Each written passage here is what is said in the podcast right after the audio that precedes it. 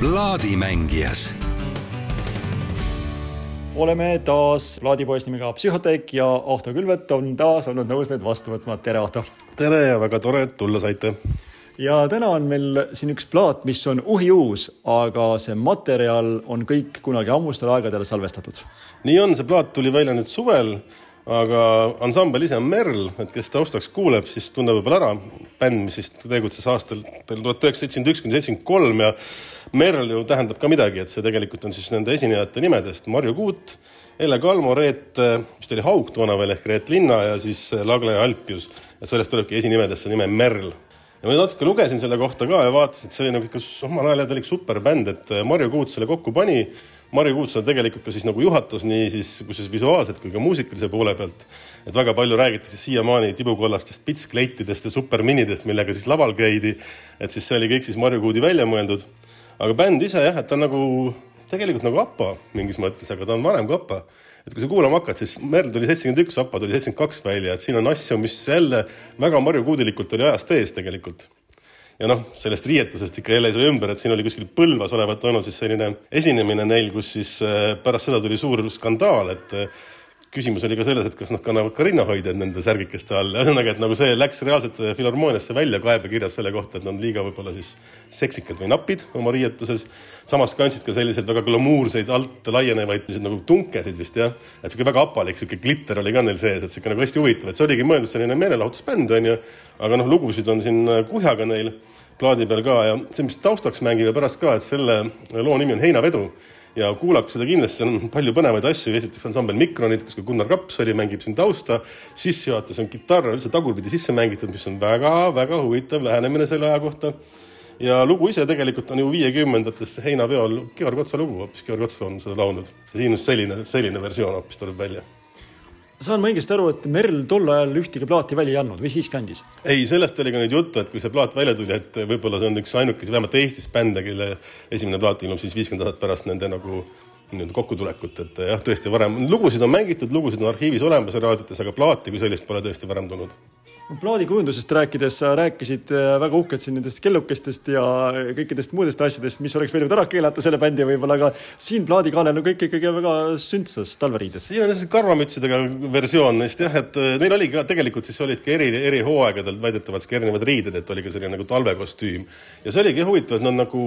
plaadile ei saanud, aga jälle televisioonis esinesid päris palju veel, televisiooni jaoks nagu salvestati ja hästi põnevat tausta on siin seda, kuidas siis Marju Kuudi pisikeses korteris käidi siis koos lugusid harjutamas, kus teises toas oli Marju Kuudi ema ja väike laps ja siis noh, siis pidi Marju siis flöödiga, plokkflöödiga mängis ette, mis on nagu sihuke väiksem, ei olnud nii vali nagu instrument, mida sai siis teha ja ja noh, jälle seesama, et jälle noh, kõik ma kuulasin ka raadiosaateid praegu, praegu läbi, kuidas siis Marju Kuuti meenutati kui sellist nagu Äh, suurepärase kuulmisega noh, geniaalset muusikut, kes ka siis suutis nagu ka seda vaadata seda laiemat pilti, kus see bänd oli ja samas mitte olles siis kohal selles mõttes, et ta oli nagu ajast ees kogu aeg, et ta oli ajast ees siin Eestis, ta oli ajast ees seal Rootsis võib-olla tõesti olid ajast eest ka Ameerika Ühendriikides, kui ta veel elas, et ta oli nagu selline noh, ütleme tunnustamata nagu geeniuse superstaar. aga nüüd õnneks järjest tuleb välja Marju Kuudi muusikaga plaate, et nüüd see Merli plaat tuli suvel välja, selle aasta peaks tulema veel välja üks äh, duubelplaat Marju Kuudi äh, nõukaaegsete lugudega. tasub oodata, jah huvitav muidugi on ka see, et äh, kui see ansambel ühel hetkel nii-öelda laiali läks, siis no sisuliselt kõik need neli naist ju jätkasid ja väga edukalt jätkasid oma muusikuteed jah, enamus neist tõesti jah, et nad olid, olid, aga noh, jälle nad ise ka ütlevad, et, et Marju võib-olla oli neist siis see nagu, nagu kõige sellisem staarim või tähem, et teised siis tegid seda mingi muu, Reet Linna sai lapse, siis tal tulid mingid muud omad asjad, abiellus seal Ivo Linnaga, tulid mingid muud tegemised vahele. aga jah, Marju Kuut oli siis see, kes siis elas muusikale nagu lõpuni ja omal, omal veidral või huvitaval viisil ja jah, Tallinna väike plaadifirma, selline Accord Records on selle välja andnud, et siis nüüd peabki vaatama, et vaadake, tuleb neid kuute veel ja veel. Palju muusikat siia plaadile mahub, ma arvan, et nad salvestasid omal ajal ilmselt ju oluliselt rohkem, aga tuli tõenäoliselt siis valik teha või? no siin plaadi peal on viisteist lugu, mille järgi need valiti, ma ei oskagi öelda, siin muidugi hitte on siin üks, üks rohkem kui üks onju. no sama Heinaveol, see on minu isiklik lemmik muidugi, aga see on Chipi Chipi Chip on siin see lugu Saagu nüüd, mis saab armastuse lugu, A-poole viimane lugu, sellest on niisugune kurb asi, et siis oli toonane Marju Kuudi elukaaslane, kes siis õnnetult äh, suri, siis see lugu natukene vist kirjutati nagu temale mõeldes ja selle salvestamine võttis hästi palju aega, sest oli emotsionaalselt nii oluline siis ütleme. aga Monika, Monika muidugi, noh, ühesõnaga see tegelikult, ma vaatan täis siukseid imelisi lugusid ja ma tean, see Merl tuli veel vahepeal kokku, siis ta oli vist Merr nime all ja siis veel kas kaks tuhat kuus korraks prooviti midagi teha aga siin üks ja üks laulja oli veel, elab välismaal, on vist Kanadas, Elle, Elle Kalmo. tee läks nagu inimestel nagu laiali, aga eks ta oligi selline projektibänd tegelikult, et nad tulid ja tegid siis selliseid ettekirjutatud lugusid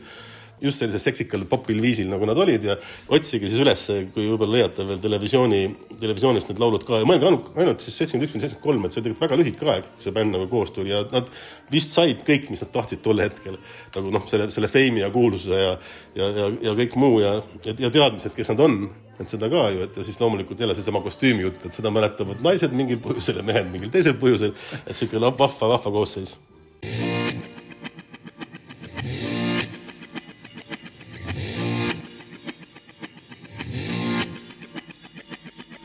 viksab mööda kadakaid, sekkab end tütte. kitsa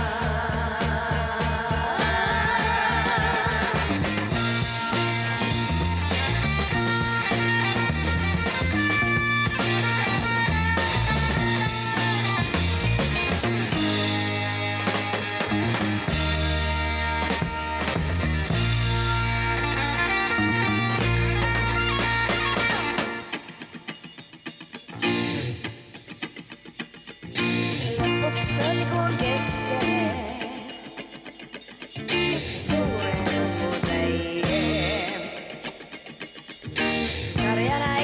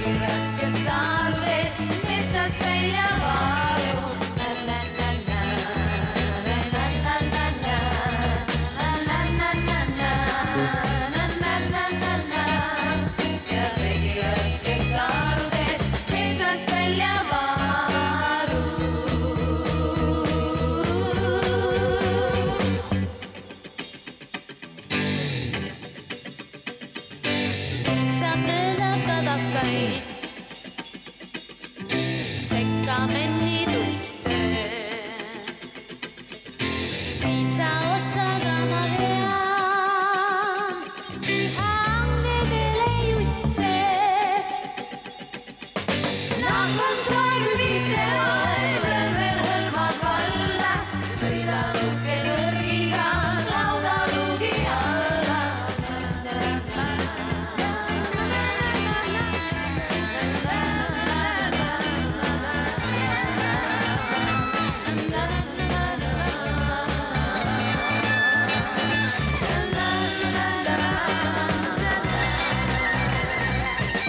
freedom.